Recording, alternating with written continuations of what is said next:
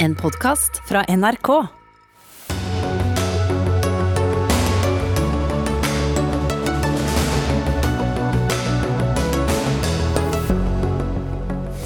Tallet på studenter som har hatt selvmordstanker eller skadet seg selv under pandemien er høyt, viser ny undersøkelse.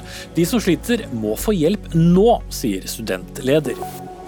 Oppsiktsvekkende og grenseløst, ja slik kommenteres SVs abortvedtak fra landsmøtet i mediene. Men hva har partiet egentlig vedtatt?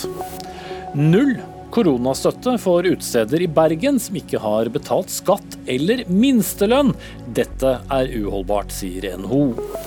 Og et eh, samstemt kommentariat i hovedstaden vendte tommelen ned til vedtak om jernbane i Nord-Norge. Arroganse, sier stortingsrepresentant fra Troms. Et populismevedtak, sier Aftenposten. Slik uh, høres og ses mandagens Dagsnytt 18 ut. Jeg heter eh, Espen Aas, og vi skal også i denne sendingen innom eh, statsministerens selvkritikk av koronahåndteringen i Stortinget i dag. Men vi starter med studentene. For rett under halvparten av studentene i en undersøkelse foretatt av Folkehelseinstituttet sier at de sliter med alvorlige psykiske plager under pandemien. Fra 2018 har antallet økt fra 32 til 40. 45 FHI har foretatt undersøkelsen i samarbeid med studentsamskipnadene i Oslo, Bergen og Trondheim.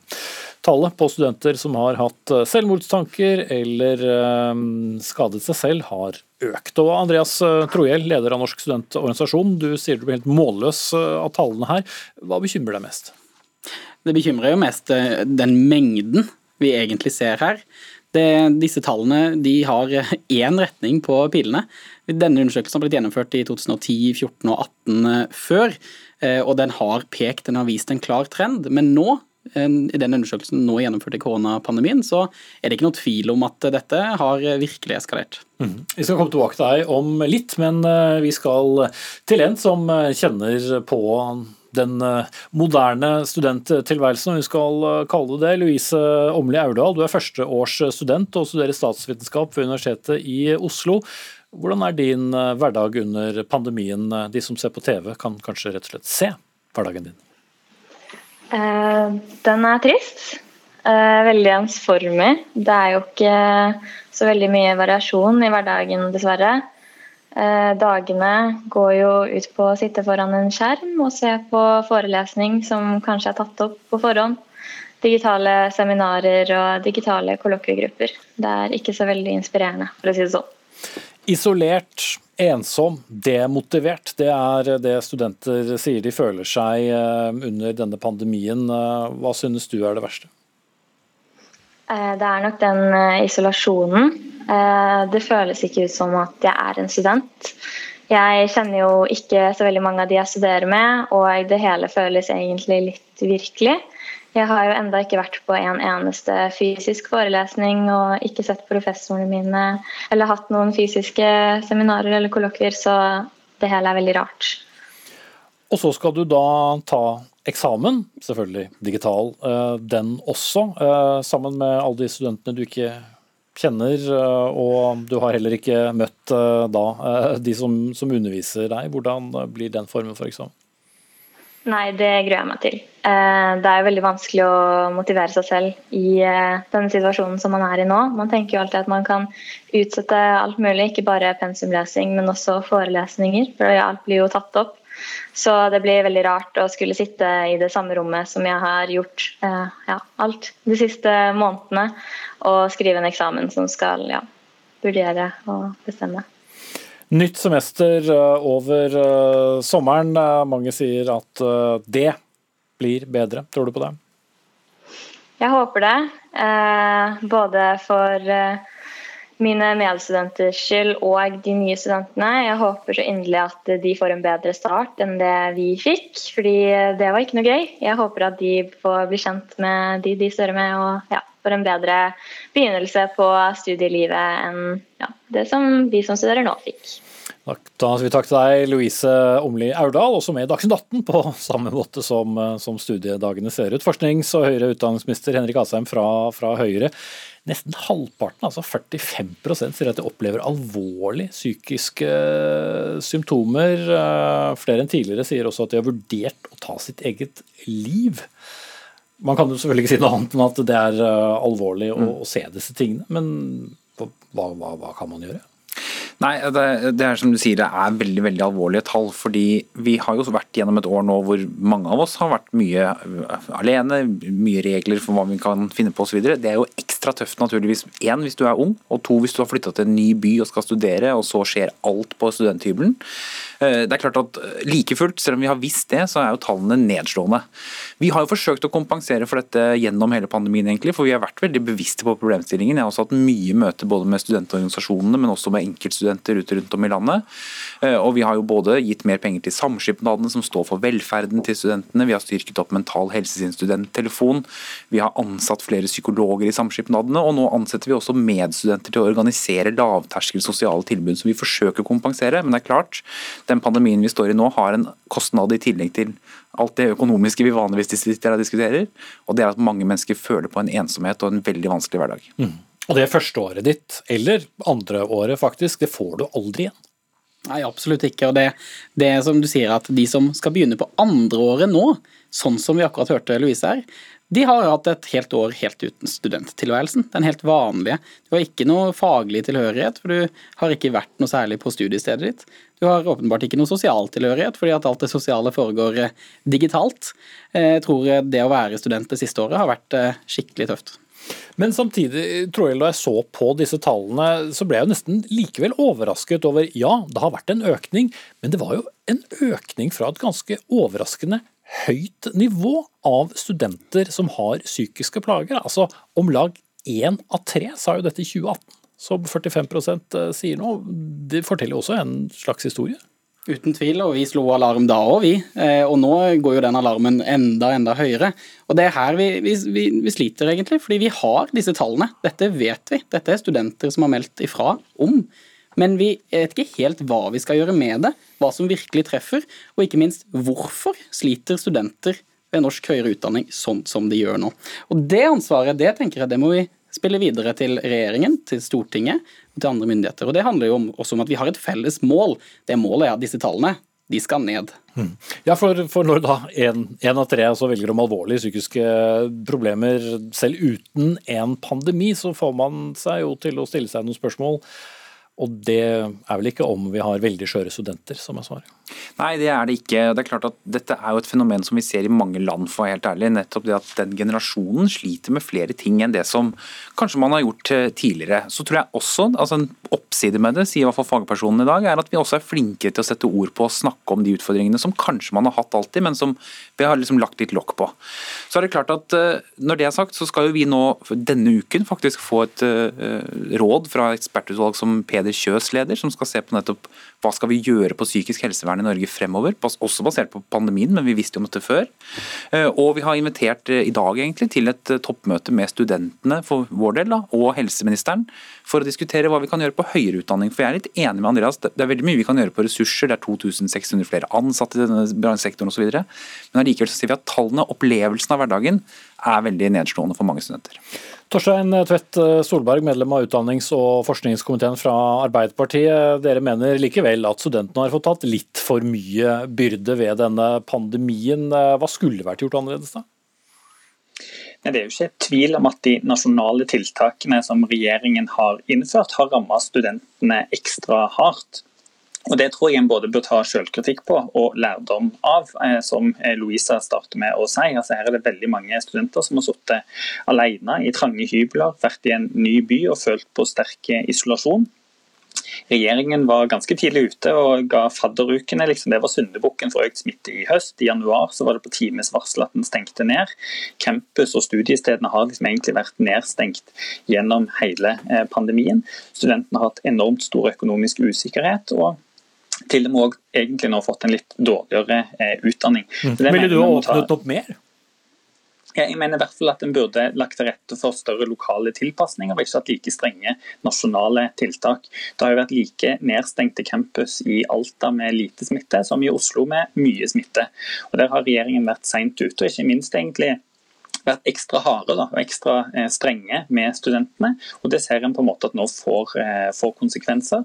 og Derfor mener jeg jo da at når vi går mot litt lysere tider nå, så må en eh, passe på å åpne opp, og ikke minst åpne opp for mer lokale tilpasninger. Altså. Men den beskrivelsen stemmer jo faktisk ikke. Altså Hvis du ser på hva nasjonale myndigheter har gjort, så er det riktig at vi stengte ned alle campusene 12.3 eh, til 27.4. Så åpnet vi gradvis opp igjen. Neste halvåret var det ingen nasjonale krav på dette i det hele tatt. Og så har det vært ulike tiltaksnivå i Oslo og til tider Bergen osv. Hvor det har vært veldig strengt. Helt enig i det. Men det har ikke vært de nasjonale reglene, det har vært ulike tiltak mm. lokalt. Men de studentsamskipnadene som er med i undersøkelsen, er jo i da de store byene Bergen, Trondheim og Oslo? Ja, den viser også at det er store forskjeller nettopp på hvor man man er plassert, for hvor, hvor ille tallene er. Og så må jeg si at sant, Vi står i et dilemma fordi det er andre land som har hatt langt høyere smitte enn oss, som dermed har hatt langt strengere tiltak overfor f.eks. studentene enn det vi har måttet ha i Norge. Så vi har egentlig uh, alltid stått i den balansen, ha kontroll på smitten, men sørge for at mest mulig er åpent. Og det er det vi har forsøkt mm. overfor studentene også. Så du står ved de tiltakene? Ja, jeg mener at de nivåene vi har hatt på dette har vært riktige, fordi de har vært lokalt tilpasset, og de har vært basert ofte på råd fra oss som man har hatt fleksibilitet på. Men, det, og det har vi sagt også. Eh, de som nå ligger inne i 5A, altså rundt Oslo, der har vi tatt universitetene og høyskolene ut av de strengeste reglene, fordi det er ikke ment at de skal vare så lenge, de reglene som har vært. Mm. eller også Solbergen. Jeg vil si at Evalueringen den tror jeg vi må rett og slett komme tilbake til. og så eh, tror jeg nok at eh, veldig mange studenter har, har opplevd at ja, de, som, de, de, ikke kan rett og slett være andre steder enn akkurat hjemme i sin hybel. Det er der de må gjøre alt fra. Mens andre kan få dispensasjon for å være på, på, på, jobb og på kontoret. sånn sett. Så tror jeg nok at eh, vi skal prøve å se også litt framover nå. Og Mitt ønske er jo også at når vi kommer til den studiestarten i høst, så skal studentene forhåpentligvis være vaksinerte, sånn at vi ikke trenger å ha eh, et nytt kull et nytt år på akkurat den samme måten som vi har hatt nå.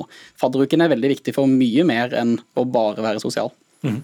Men eh, Solberg, som jeg har vært innom eh, noen ganger, dette handler jo faktisk da ikke bare om, om, pandemien. Ja, eh, pandemien viser de høyeste tallene, men vi har også sett høye tall på, på tidligere undersøkelser. Her må man jo gjøre noe mer enn å si at jo, jo, kanskje noen flere kunne kommet på student- eller universitetsområdene. Jeg er helt enig, og Nå er absolutt det viktigste å se framover og ta grep om det som jeg er helt enig i at er en veldig akutt situasjon. Det er jo sjokkerende eh, tall. og Sånn sett så har eh, over flere år ikke det psykiske helsetilbudet til studenter vært eh, godt nok. Der har Arbeiderpartiet nå vært ute og vært ekstremt tydelige på at det må et kjempeløft til for barn og unge sitt psykiske eh, helsevern. Der må egenandelene vekk og køene ned. En ser jo også at det er veldig mange nå som sier at de har slitt, men altfor få som sier at de har bedt om hjelp og egentlig oppsøkt eh, hjelp. og til nå det vil jeg egentlig si, så er det altfor pinglete de tiltakene som har kommet fra regjeringen. Det er vel 20 millioner til studentsamskipnadene. Det er veldig lite penger til den enorme utfordringen står overfor. Det blir ikke mange psykologer til så mange studenter som, som nå trenger, trenger, hjelp. Så det må gjøres, gjøres, mer for å egentlig hjelpe disse studentene. og jeg tror man må tenke på det litt sånn på lengre, på lengre sikt også, for Når vi kommer ut av pandemien, så er dette nesten en ny pandemi som kommer til å vente oss hvis vi ikke tar skikkelig tak i dette. Mm.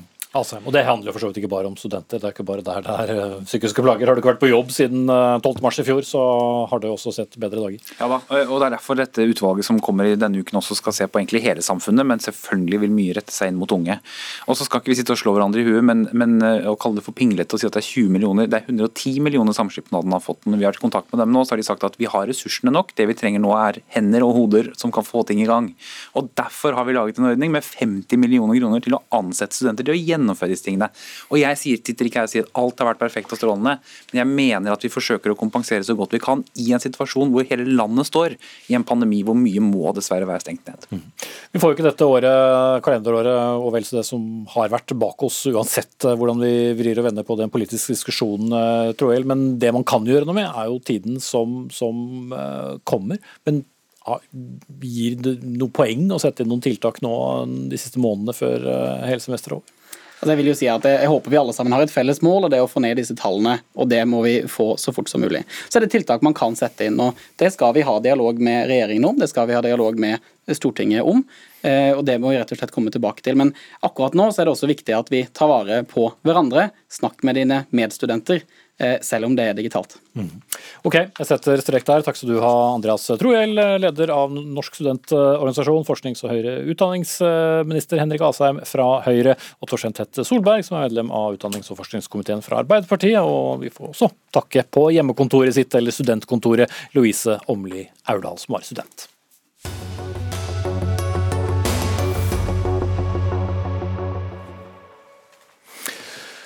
Statsminister Erna Solberg tok i Stortinget i dag selvkritikk på importsmitten under pandemien da hun holdt redegjørelse om koronakommisjonens rapport i Stortinget. Som mange nok husker, kom koronakommisjonen med kritikk av regjeringens koronapandemihåndtering den 14. april i år, altså for tolv dager siden.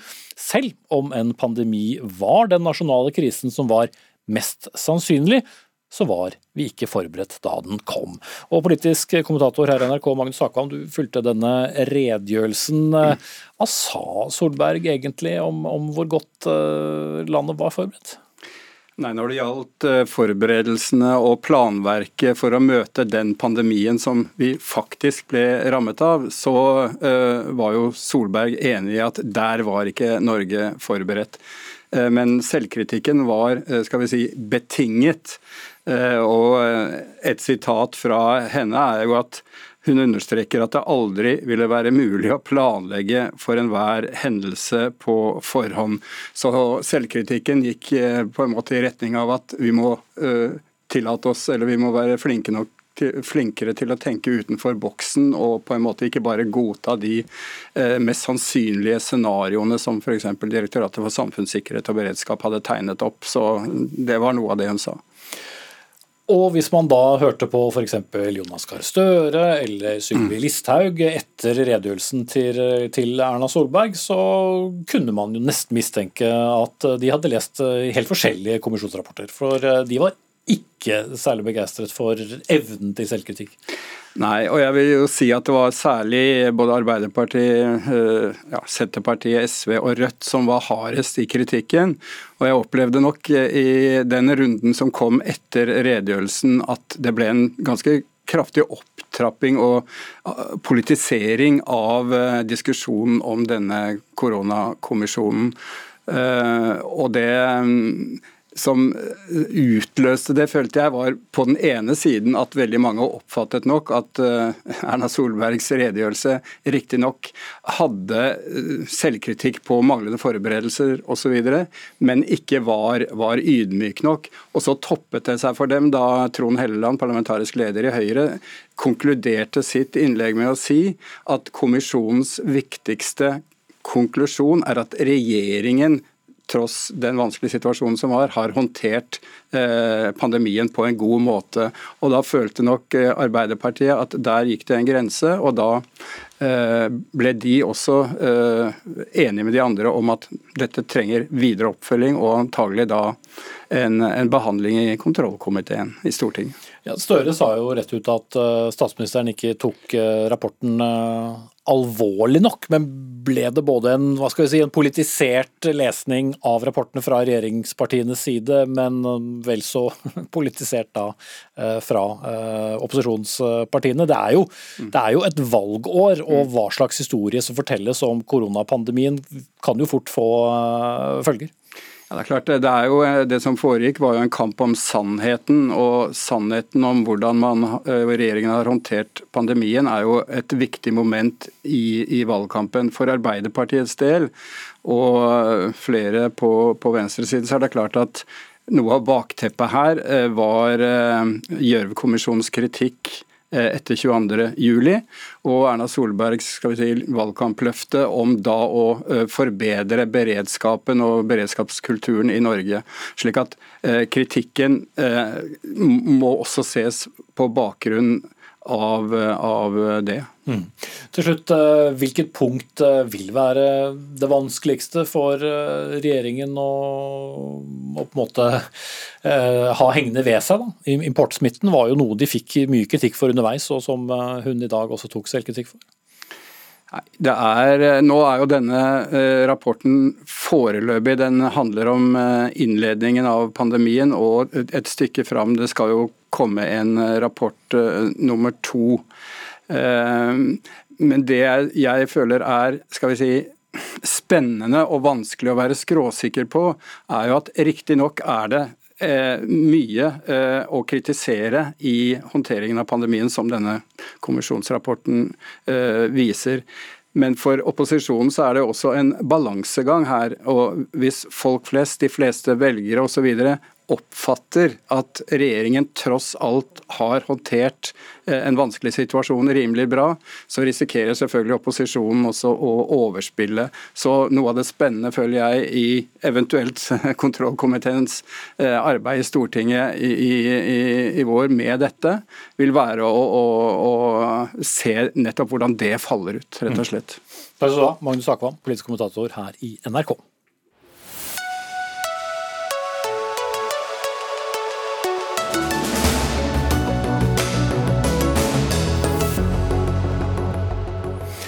I mai i fjor ble Nord-Norgebanen stemt ned i Stortinget. I forrige uke ble den stemt for, men hovedstadsavisene fortsetter å vende tommelen ned for prosjektet, noe som irriterer en stortingsrepresentant fra Troms, som skal møte Aftenpostens politiske redaktør til debatt i slutten av sendingen.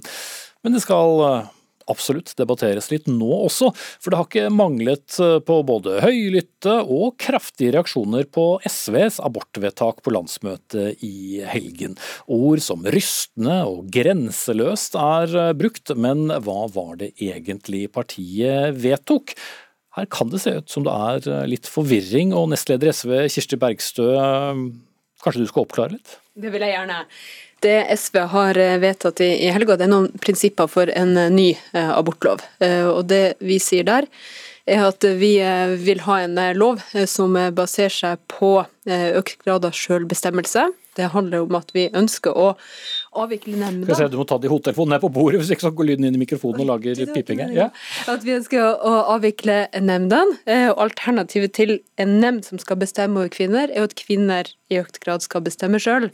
Og det andre er at vi vil ha en rådgivningstjeneste Eh, som er sterkt til stede eh, og godt utbygd. Både det som handler om psykologiske og medisinske tjenester, for at man skal kunne ta beslutninger i en vanskelig situasjon, sånn som abort, og særlig det senere det blir et svangerskap, gjerne er. Så de som sier at SV nå sier ja til selvbestemt abort til uke 22 i svangerskapet. Hva sier du til dem, er det det dere har vedtatt? Det er ikke det vi har vedtatt. Vi har forholdt oss til det som er eh, dagens grense. Eh, og Dagens abortlov eh, opererer jo med levedyktighet som grense, og det er jo noe annet enn uketall. Vi ønsker ikke I praksis er det uke 22. I dag er det det. Så er det sannsynlig at den kan gå ned pga. medisinsk utvikling. Det kan hende. Men det man må forholde seg til, det er jo at aborter utføres tett opp mot eh, den tida i dag. Og så er spørsmålet hvor er det den beslutninga skal ligge. Fordi de tilfellene vi snakker om, eh, som er etter uke tolv eh, og så utover, det er jo gjerne kvinner som har fått beskjed om at de har kreft og ikke kan gjennomføre behandling under graviditet. Det er kvinner som har fått beskjed om at, eh, om at det er alvorlige forhold ved fosteret. Og alle, ingen ønsker abort sent i et svangerskap, aller minst de som har måttet ta det tunge valget. Men eh, er du enig i at det kan fremstå som litt forvirrende om hva dere har vedtatt? Det er ikke rart at det er forvirrende så den debatten er så polarisert som den er. Mm. Må... Poenget mitt er bare at eh, Sosialistisk Ungdom, som du en gang ledet, eh, la ut følgende på, på Facebook. Gjennomslag. SV vil ha selvbestemt abort til uke 22. Det er SU sin, sin, måte å uttrykke eh, det på. Og mange vil jo si at, at det er, er nettopp det med selvbestemmelse som er det viktigste her. Eh, det har lenge vært et krav fra kvinnebevegelsen at abortnemndene skal mm. avskaffes, og det er jo noe som mange er enig i, fordi at det er eh, og mange opplever det som tungt å måtte gjennom et nemndsystem når du har erkjent at her eh, må du avbryte svangerskap og tatt et vanskelig valg, så må du gjennom en nemndsbehandling, som mange kan oppleve at er å sette sin egen og leger sin vurdering i tvil. Eh, og da eh, ønsker jo vi at kvinner skal slippe det i den vanskelige situasjonen. Så skal jeg vende meg til deg som jeg normalt sett ville sagt stortingspresident, uh, Tone Wilhelmsen Trøen, men jeg skal kanskje si stortingsrepresentant fra Høyre i dag. For du har jo i den rollen som stortingsrepresentant en rolle der du ikke går inn i debatter. Men i denne saken så gjør du et unntak. Hvorfor det? Dette er jo um, verdispørsmål som uh, har opptatt meg som folkevalgt og politiker i, mange år. Uh, og jeg tar veldig på alvor den rollen jeg har som stortingspresident. Og jeg går aldri inn direkte i debatter som går i Stortinget i faget. Jeg sitter jo ikke i noen fagkomité. Men ehm, jeg håper det er rom for eh, at jeg også kan ha meninger om denne type verdispørsmål, fordi de også ofte veldig går på tvers av mm. og, og, og, hva reagerer du på, på, her? Nå har du fått en slags eh, oppdatering eh, fra neste ja, jeg, jeg, vet jo ikke om de som lytter til og ser på denne debatten blir så veldig mye klokere, fordi det SV gjør med sin politikk nå, er jo at de endrer helt på det som ligger i dagens abortlov. Eh, og når, eh, når SV sier at, eh, at, det er selvbestemmelse, og at det ikke skal være noen kriterier som ligger til grunn, så vil det jo si at fosteret har ingen rettigheter før i uke 23, eller det man til enhver tid da sier er den medisinsk fastsatte grensen for levedyktighet. I dag har vi en abortlov som sier at uh, før tolvte uke har kvinnen selvbestemmelse. Jeg er veldig opptatt av kvinnens uh, rett til å bestemme over egen, uh, egen mm. kropp. Men i de ti neste ukene så må noen andre være med på den øvelsen? Ja, det handler jo om at ved tolvte uke så går svangerskapet inn i en ny fase. Dette handler jo om at jo lenger man kommer ut i svangerskapet, jo sterkere også står fosterets rettigheter. Det handler jo om fosterets utvikling. Men, men jeg jeg syns det er veldig viktig for meg å understreke at det som skjer fra 12. til 22. uke, det kan jo i veldig stor grad handle om kvinner f.eks. som er på ultralyd i uke 19 og som får eh, påvist eller får beskjed om at her kan det være mistanke om alvorlig sykdom. Det må vi selvfølgelig ta på stort alvor. Eh, men jeg mener ikke dermed at man skal endre det systemet man har. Jeg mener at disse kvinnene fortjener mm. å møte det fagpersonalet som er eksperter på fostermedisin, og som kan hjelpe de mm. okay. i støtte i den beslutningen. Har fosteret mistet rettigheter ved vedtaket til eh, SVs landsstyre, eh, landsmøte, dersom det blir praktisk politikk? Det, eh, vi har sagt, er jo at vi ønsker en ny abortlov. Eh, og det er klart at i, en, eh, i, et arbeid med ny lov, da er det jo både politiske prinsipper og faglige vurderinger som må være med på å utforme den. Mm. Men de prinsippene som vi vil bygge loven på, ja det er jo økt grad av selvbestemmelse. Uh, og færre rettigheter sånn for foster, da, hvis du men, vil se den veien. Men det vårt vedtak ikke sier noe om, fordi at det er en del av det som må være utredning og lovarbeid. Det er jo nettopp hvilke kriterier og hvilke terskler og hvordan skal den loven se ut i praksis. Og så vet vi jo at alle, så godt som eh, alle aborter som behandles i nemnd frem til uke 18, de blir innvilga. Mm. Ja, til uke 18? Ja, til uke 18. Og det her er jo litt viktig å ha med seg, fordi man må jo ha et lovverk som gjenspeiler virkeligheten. Og fakta er jo at det store, store flertallet, de aller, aller, aller fleste aborter, de utføres eh, før uke ni. Og så er det noen få som kommer senere i et svangerskap på bakgrunn av medisinske forhold. Og nettopp det, å få de rådene, det er viktig at kvinner har også i fremtida.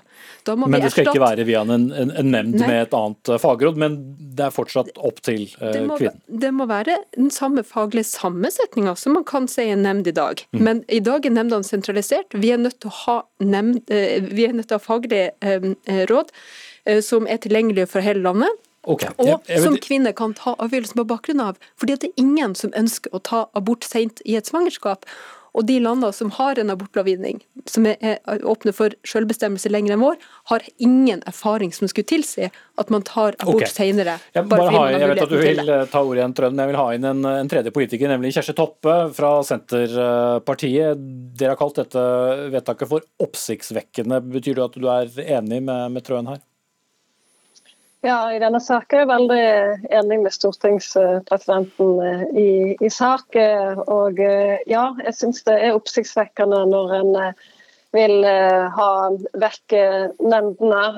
Det er jo én diskusjon, men her jeg lager jo en, en helt ny lov der en går vekk fra det prinsippet som er bra med dagens abortlov, nemlig at det balanserer hensynet til kvinners selvbestemmelsesrett og fosterrettsvern. Nå blir det jo en lov, hvis SV får det som de vil, der det blir eh, akkurat eh, de samme eller manglende kravene eh, om du tar abort før uke 12 og eh, ved uke 22. Eh, og Det er jo et helt nytt prinsipp som er ganske, ganske oppsiktsvekkende, det vi får få lov å si. Du ble sitert på i Dagbladet at dette kan føre til økt abortpress på kvinner. Hva, hva mener du med det? Det er ikke sikkert at det er så mange, men jeg vet om eh, og har blitt fortalt at eh, kvinner som møter i nemnd, kan òg være i en situasjon der de kan være presset til å ta eh, en, en abort av omgivelsene eh, sine. Og eh, Vi må òg huske på at et, eh, en nemnd og dagens system kan òg være med å hjelpe kvinner eh, til å unngå at en kommer i en sånn situasjon. Ok. Eh, Eh, Kort da, Trønden, vil, eh, som, som Bergstø er inne på, vil det bli så stor forskjell? da? Vil det bli flere eh, senaborter? Ja, Det er veldig vanskelig for meg å, å svare på, men det jeg syns er veldig forvirrende med SVs eh, nå vedtatte politikk, er at det eneste man altså endrer på, eh, det er at det ikke finnes noen rettigheter for fosteret eh, før uke 23. Men det Bergstø egentlig beskriver, eh, mener jeg er dagens abortlov. Fordi disse kriteriene som vi har i abortloven, de balanserer jo så hårfint denne veldig krevende balansen i en vanskelig situasjon. Kvinnens livssituasjon, fosterets eh, tilstand eh, og, og kvinnens helse. Eh, og det man skal heller ikke undervurdere at de som gjennomfører disse senabortene, eh, det helsepersonellet som bistår ved det, de føler nok også en veldig trygghet og styrke i at det er to medisinere med kunnskap om fostermedisin som har vært med kvinnen i den beslutningen hun tar. Og det er jo sånn i den, i den eh, rettledningen som kvinner får når de er etter uke tolv og søker abort, så står det jo veldig tydelig fremhevet at kvinnen er en delaktig part i dette. Så jeg tror eh, Jeg, jeg syns det er veldig vanskelig å forstå egentlig SVs eh, grunnlag for denne endringen. Jeg mener det systemet vi har i dag, virkelig balanserer disse viktige hensynene på en god måte. Det mener dere ikke. Nei, og det er fordi at eh, det viser seg at veldig mange kvinner opplever det eh, som, eh, som krevende. at deres situasjon skal avgjøres av ei nemnd. Etter at man har tatt den vanskelige avgjørelsen sjøl om at svangerskapet Men det er jo veldig få som får, uh, ikke, ikke får gjennom sitt eget ønske. Nettopp. Uh, Så da handler det jo ikke om at situasjonen ikke er alvorlig nok. Da handler det jo om at det oppleves eh, som en nedgradering eh, å måtte gjennom å bli konfrontert med en lov som fungerer sånn at eh, ditt barn er ikke levedyktig. Du er gjennom en sorg og en sjokk, eh, og du eh, tar det vanskelige valget med å avbryte svangerskapet, og så må du gjennom en nemndsprosess for å eh, forsvare og forklare det her. Og det er ingenting som skulle tilsi eh, at eh, eh, flere ønsker å ta abort senere, selv om det er anledning til det. Mm. Ok, jeg vil ta med inn det det ene. Nei, jeg, nei, nå går det til Jeg har en fjerde person som har lyttet til dere, og det er nemlig Birgitte Heiberg Kars, som er overlege ved Nasjonal behandlingstjeneste for avansert eh, invasiv fostermedisin på St. Olavs hospital. Hva vet vi da om eh, foster i uke 22? Ja, et eh, foster i uke 22 veier eh, ca. 450 gram og er mellom 25 og 30 cm langt.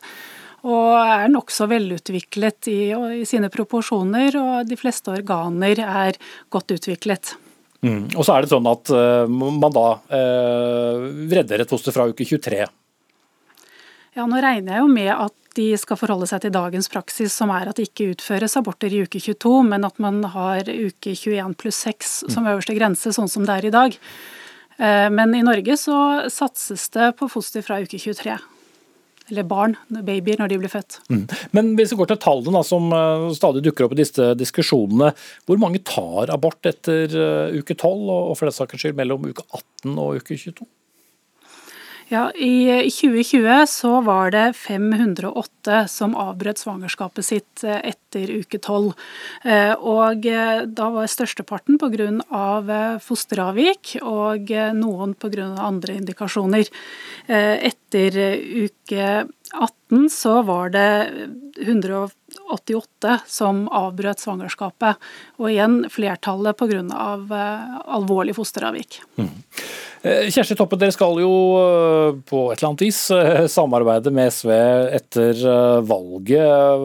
Hvor mye påvirker en slik sak dette samarbeidet? Vil dere i hele tatt være villige til å gjøre noen, noen endringer, f.eks. på dette med nemndene? Nemndordningen er jo, er jo, en diskusjon, men nå ligger det jo òg en liten dissens i vårt programforslag. Men jeg regner med at Senterpartiet går til valg på å videreføre dagens abortlov. Men dette forslaget fra SV, som i realiteten er fri abort helt fram til levedyktig foster, og der en går vekk fra de kriteriene og kravene som er, og fosterets vern, Altså, det kommer ikke til å skje at vi kommer til å gå inn på et sånt forslag i en ny regjering. Det vil jeg være veldig tydelig på. Mm. Det blir ikke så mye jubel, Bergstø? Vi inviterer til eh, samarbeid om eh, en ny abortlov. Både andre parti, kvinnebevegelse og fagmiljø. Eh, fordi her må vi utforme den i samarbeid.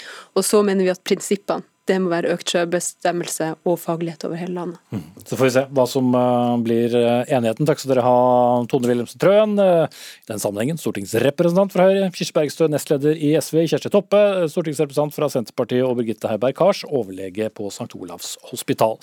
Men vi slipper ikke tematikken, fordi eh, det er eh, skrevet mye på den korte tiden som har gått eh, etter vedtaket på SVs landsmøte. Før kunne du si at du var for selvbestemt abort uten å risikere oppfølgingsspørsmål. Nå er det ikke like enkelt, for mener du fri abort frem til uke 12, 18 eller 22?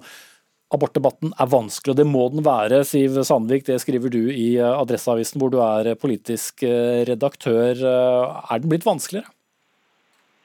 Jeg syns i hvert fall den har blitt vanskeligere. Personlig som kvinne og feminist har det alltid vært en selvfølge for meg å være for selvbestemt abort. Det er jeg i aller høyeste grad fortsatt. Eh, men jeg syns de eh, debattene eh, som går nå om denne retten til selvbestemmelse skal utvides, der syns jeg det er et, vanskeligere farvann. Og det er vanskeligere å, å sette de grensene. Og som også skriver, så har jo nettopp det ene hensynet i abortloven, altså kvinnens rett til selvbestemmelse, fått langt mer oppmerksomhet på denne landsmøtene i løpet av våren som har vedtatt en liberalisering av abortloven, enn det andre hensynet, nemlig fosterets Eh, rett eh, til liv og til økt eh, rettsvern i løpet av svangerskapets mm. lengde. Så det er vanskelige debatter. Ja, og det er vanskelig rett og slett å si om man er for selvbestemt abort i ja, disse forskjellige vite Hva man skal legge i det. Ja. Mm. Martine Aurdal, politisk kommentator i Dagbladet. På hvilken måte har vi kommet i en ny situasjon nå med alle disse diskusjonene som har vært rundt abort, på, ikke bare på landsmøtene nå, men også i tiden før? Ja, Vi er jo kommet til en helt ny situasjon etter 2013 eh, og samarbeidsavtalen mellom regjeringen og ja, det som er sentrumspartiene i regjeringen eh, nå.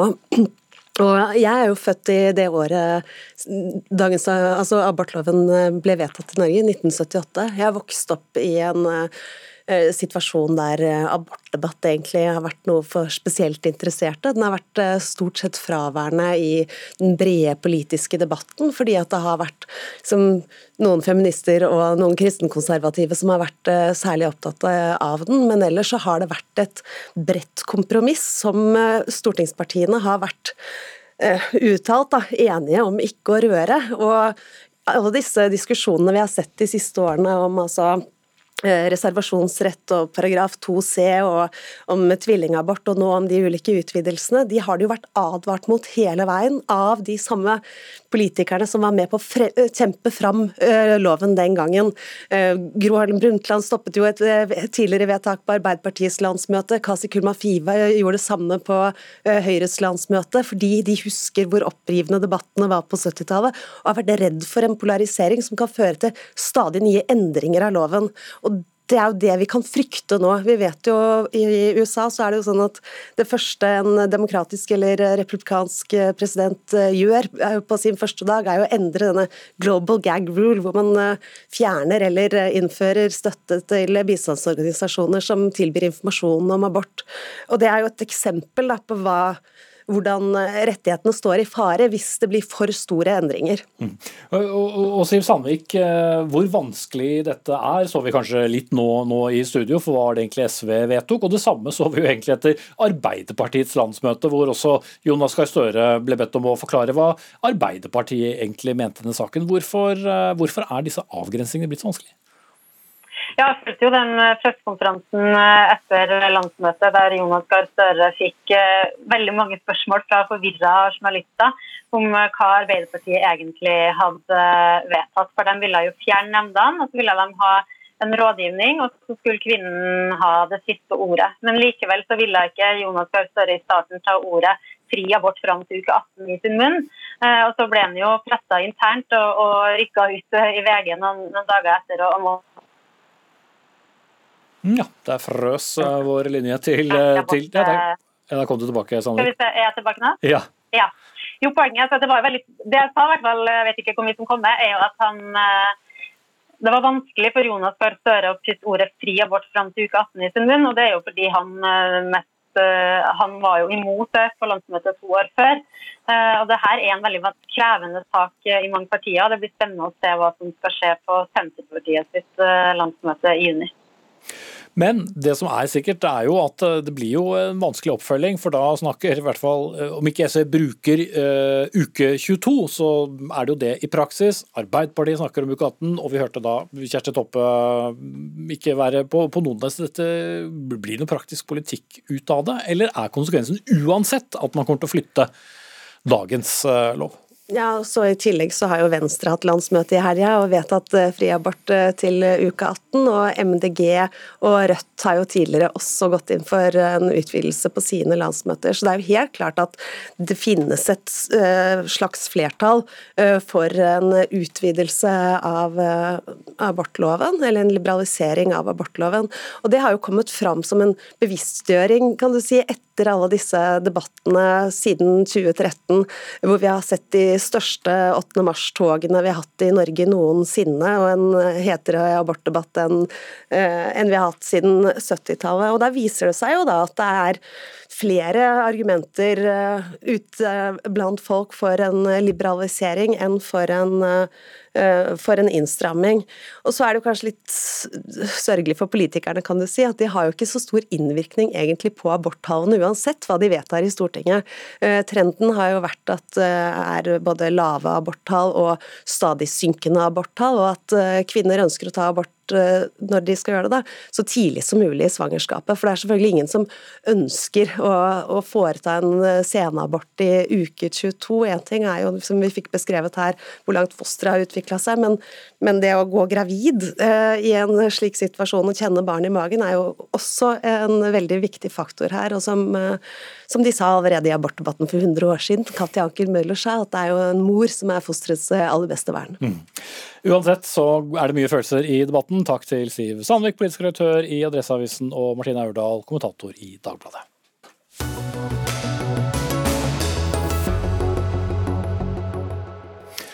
Er det for få kriterier for å få koronastøtte i utelivsbransjen? Vel, i Bergen må iallfall utesteder som søker om koronastøtte svare på om de har betalt skatt, har minstelønn og sosiale utgifter.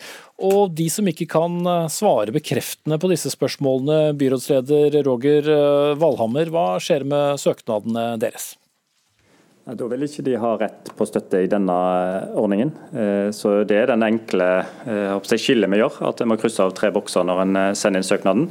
Så det tar kort tid, men hvis en ikke kan bekrefte at en betalte ut lønn til sine ansatte, og at en følger den allmenngjorte minstelønnen, altså det som er lovfesta minstelønn i denne bransjen, så har en ikke rett på støtte i denne omgang. I og med at dere har valgt å, å innføre disse tre spørsmålene som må bekreftes, betyr dere at dere har en, en utelivsbransje i, i Bergen som dere som politikere ikke stoler på? Nei, absolutt ikke. Altså for eh, oss eh, og det byrådet, så siden vi overtok fra Arbeiderpartiet sin del i 2015, så har vi innført nye seriøsitetskrav i anbud, eh, innkjøp. Eh, og ikke minst har vi vedtatt et nytt skjenkereglement i Bergen, der disse kravene stilles. Sånn at alle disse aktørene som søker på nytt om eh, skjenking, eller rett å skjenke, vil også måtte vise fram at de, eh, og dokumentere at de betaler minstelønn, f.eks. Sånn at det er ikke noe nytt i det, men vi har også lagt inn disse kriteriene her. Fordi vi vet at Eh, det å ha eh, seriøsitet og det å legge vekt på seriøsitetskrav, det gagner alle, ikke minst bedriftene. Fordi de seriøse aktørene blir belønna eh, på bekostning av de mindre seriøse og useriøse aktørene. De er kanskje få, men de ødelegger for alle de andre. Og Derfor stiller vi strenge krav når vi kjøper tjenester til Bergen kommune, når vi har anbud ute for anlegg, anleggsbransjen, bygg og anlegg f.eks., og ikke minst mot uteliv og reiseliv, okay. som vi ser her. Men det er viktig å si at disse kravene stilles også til treningsbransjen, som er en del av denne pakken, så vi gjør ikke forskjell på det Nei. i forbindelse med koronapengene. Notert. Er ikke dette bare bra da, Ole Mikael Bjørndal, næringspolitisk fagsjef i NHO Reiseliv? Eh, nei, det er mer en politisk markering eh, på et uh, uheldig område, syns jeg, som er tildeling av koronastøtte. Eh, det bør egentlig holdes unna slike markeringer. Eh, og det er grunn til å minne om flere ting her. Det ene er at bedriftene som du spurte Valhammer om, de føler seg faktisk litt uglesett ved å få disse spørsmålene. Eh, de er nå, I over et år så har de vært gjennom eh, den største krisen noensinne. Eh, og så får de da en spørsmål om dette som føler seg litt mistenkeliggjort. Mm. Men Hvis de er seriøse, så er det vel uh, raskt gjort å krysse opp alle tre? Ja, men Det er det som er litt av problemet her. fordi Hva er det man har vært gjennom? Man har vært gjennom en krise. Skatter og avgifter det har vært utsatt eller ikke. Der er det veldig mye fram og tilbake eh, om det er betalt eller ikke. Noen har utsatt det. Lønn og sosiale utgifter har vært mye permitteringer, mye dagpenger. Dette er komplisert regelverk. Det er faktisk vanskelig å ha oversikt over. Og Det gjelder ikke minst allmenngjort lønn, som er veldig komplisert. og Der har, opplever vi ofte at vi må gå i dialog med Arbeidstilsynet for å finne ut hva er det som stemmer her. Det har vært en diskusjon om tipspenger, skal det regnes inn eller ikke i allmenngjort lønn? og Sånne ting er ikke avklart. Dermed det, og det å svare da bekreftende ja eller nei på dette tar mye mer enn ti sekunder, som Valhammer har sagt. Det tar ganske lang tid. og Når man i tillegg blir truet med å få miste støtten i etterkant, som så man da kanskje skal bruke den støtten til å betale de skattene og avgiftene som man har utsatt, så blir dette egentlig ganske uheldig. Mm. Man skal jo betale skatt og sosiale utgifter og, og ha en uh, minstelønn uh, uansett, Roger Valhammer. Hvorfor uh, skal, skal, dere som styrer byen være et lite sånn ekstra politi? Nei, det er viktig å begynne med å si at eh, Både i ordningen før jul og denne, så har jo serverings- og utelivsbransjen fått den store brorparten av pengene fordi det er de som har vært mest utsatt, som, eh, som NHO her eh, nevner, det siste året. Og De trenger den kontantstøtten som de får. og Derfor har vi en ubyråkratisk og effektiv ordning der det meste er automatisert, men de må krysse av på om de har holdt oppe. for Det har bystyret bedt om at vi skal premiere ekstra. Og disse seriøsitetskravene, som jeg vil tørre å påstå er da lovkrav, og som alle som driver bedrift bør kunne svare ja på. Eh, og det er selvfølgelig ikke krav til å betale inn skatter du har fått utsatt osv. Så, videre. så det er ingen ekstra krav i dette. Poenget mitt var bare at dette er vel hjemlet allerede i, i lov eller andre forordninger? Nettopp, og Derfor burde det ikke være noe motsetning her eh, mellom å stille denne type seriøsitetskrav i denne forbindelse. og som jeg var inne på i stad, så gjør vi jo dette i skjenkereglementet i Bergen fra før. sånn at alle disse aktørene som søker eh, om skjenkebevilling, vil jo måtte bekrefte dette eh, uansett. Så Dette er med å bygge opp under over tid at vi premierer seriøse aktører. og Jeg er litt overrasket over NHO sin eh, kritikk her. fordi at eh, I andre sammenhenger så opplever vi jo at arbeidsgiverforeninger og arbeidstakerforeninger er ganske enige om at det stiller seriøsitetskrav, spesielt i bransjer med allmenngjort minstelønn. for den er der fordi det er få organiserte, det er få tillitsvalgte, det er få tariffavtaler. Eh, og Da er det viktig å ha eh, seriøsitetskrav for å underbygge at O er trygt å jobbe og godt å jobbe i denne eh, bransjen.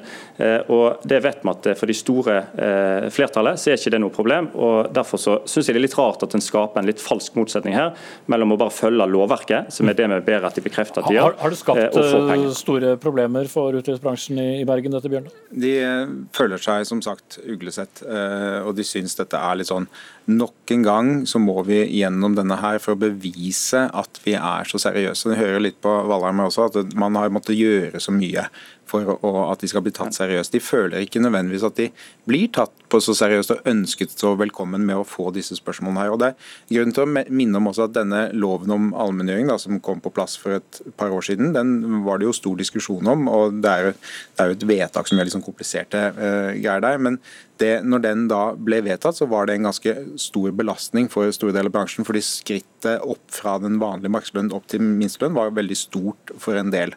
Og Så begynte man da i en del kommuner å bruke den til å tvinge fram eh, skjenkebevilgning, eller truer med at du får ikke skjenkebevilling hvis ikke du følger dette her. Og det, det man gjorde da, det, og det sa også daværende folkehelseminister, da brukte man alkoholloven til noe alkoholloven ikke skal regulere.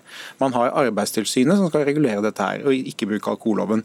Så dette er egentlig en følgefeil fra en gammel eh, regel, eh, det som de holder på med i Bergen nå. Men blir ikke det etterlatte inntrykket når du argumenterer som du gjør, at eh, det er for vanskelig da, for en utelivsbransje å følge helt åpenbare lover og regler som, eh, som innbetaling av, av skatt eller uh, forhindre sosial dumping? Eh, vi kunne gjerne diskutert uh, vanskelige regler for utelivsbransjen, og det er ikke noe tvil om at det er mye red tape, som det heter på godt norsk.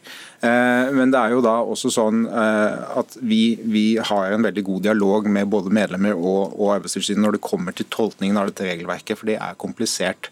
Men da trenger man ikke slike politiske markeringer som gjøres her i en svært vanskelig situasjon som koronasituasjonen er at man får denne ekstra belastningen. Mm. Men foreløpig blir det slik. Takk til Ole Mikael Bjørndal, næringspolitisk fagsjef i NHO Reiseliv, og Roger Valhammer, byrådsleder i Bergen fra Arbeiderpartiet.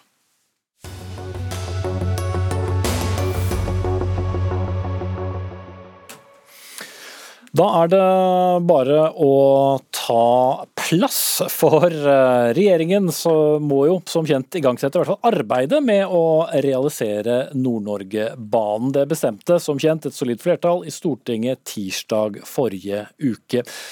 Det var ikke regjeringen særlig begeistret for, og mange hovedstadsaviser har også ristet på hodet gjennom eh, kommentarer. Dagens Næringsliv kaller dette for citat, 'fullstendig uansvarlig politikk', politikk som det også heter, mens Aftenposten stempler vedtak på lederplass som eh, populisme. Og du var ikke så begeistret for disse eh, karakteristikkene, Cecilie Myrseth, stortingsrepresentant for Arbeiderpartiet fra Troms. Nei, jeg syns Jeg var jo ikke overraska, da. Men eh, det blir jo nesten som parodi på, på seg sjøl at med en gang det kommer et sånn ambisiøst og framtidsretta vedtak, så går man i sånn kor og sier at dette kan vi ikke gjøre. Da må absolutt alle i resten av landet sette seg på sidelinja og vente mens det nordnorske toget skal gå. Mm. Men hva var det Arbeiderpartiet stemte i mai i fjor igjen, da man skulle stemme over eh, Nord-Norge-banen? Men siden i mai så har jo vi både hatt en programprosess, og vi har hatt et landsmøte som har sagt det veldig tydelig hva man mener om denne saken. Eh, og for å ikke gjøre noe tvil om hva Arbeiderpartiet mener, så stemte vi som vi gjorde i Stortinget. Men vi la også inn et eget forslag som jeg fremdeles mener var bedre enn det andre. Mm. Kjetil Alstheim, politisk redaktør i, i Aftenposten. Er det, er det noe med, med, med nordlendinger og, og jernbane som ikke går an å godta? Nei, det handler jo om eh, ikke minst den erfaringen vi har hatt med jernbaneutbygging her i landet i de siste årene. Politikerne har kommet med veldig ambisiøse løfter om jernbane tidligere, eh, bl.a. om dette intercitytriangelet på Østlandet, der eh, man skulle ruste opp med dobbeltspor fra Oslo til, til Skien og til Lillehammer og til Halden. Eh, og der det har vist seg å bli mye dyrere enn det man trodde, og mye vanskeligere å bygge enn det man trodde, og der man nå har, eh, har kappet og lager en sånn indre intercity i stedet. Så Problemet her er jo at uh, disse flertallspartiene går ut med et veldig ambisiøst løfte til uh, velgerne i nord. Uh, tydelig preget av at det er stortingsvalg i september. Og der risikoen for at dette havarerer i et brutt valgløfte er svært stor.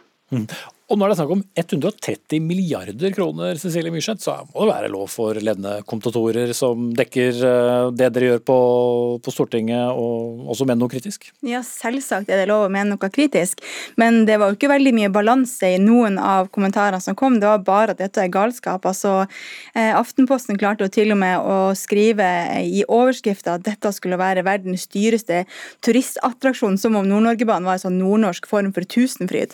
Det er det jo da virkelig virkelig ikke. Jeg vil bare minne om eh, at bare i 2019 så var det en eh, underkant av to millioner gjestedøgn bare i Tromsø. Så turismen er jo også veldig stor, men det er jo ikke det som er hovedpoenget vårt for at dette er viktig. Det handler om å flytte gods over på bane. Det handler om at innen 2030 skal vi ha en dobling av veksten i sjømatnæringa. Det handler jo om at vi skal satse på denne, denne fantastiske landsdelen. Og vi må selvfølgelig koble det på en av de strekkene som faktisk er samfunnsøkonomisk lønnsomt beregna av mange eksperter. Eh, og det er jo Ofotbanen. Så det er jo en forutsetning, viktig forutsetning for å få dette til å funke. Og jeg er glad for at jeg er med i et parti som har ambisjoner på vegne av landsdelen, også når det kommer til infrastruktur. Ja, Ulønnsomme jernbanestrekninger eh, er i stort flertall i, landet. Alstaheim og, og kalle Nord-Norgebanen som tidenes mest kostbare turistattraksjon, var det fair?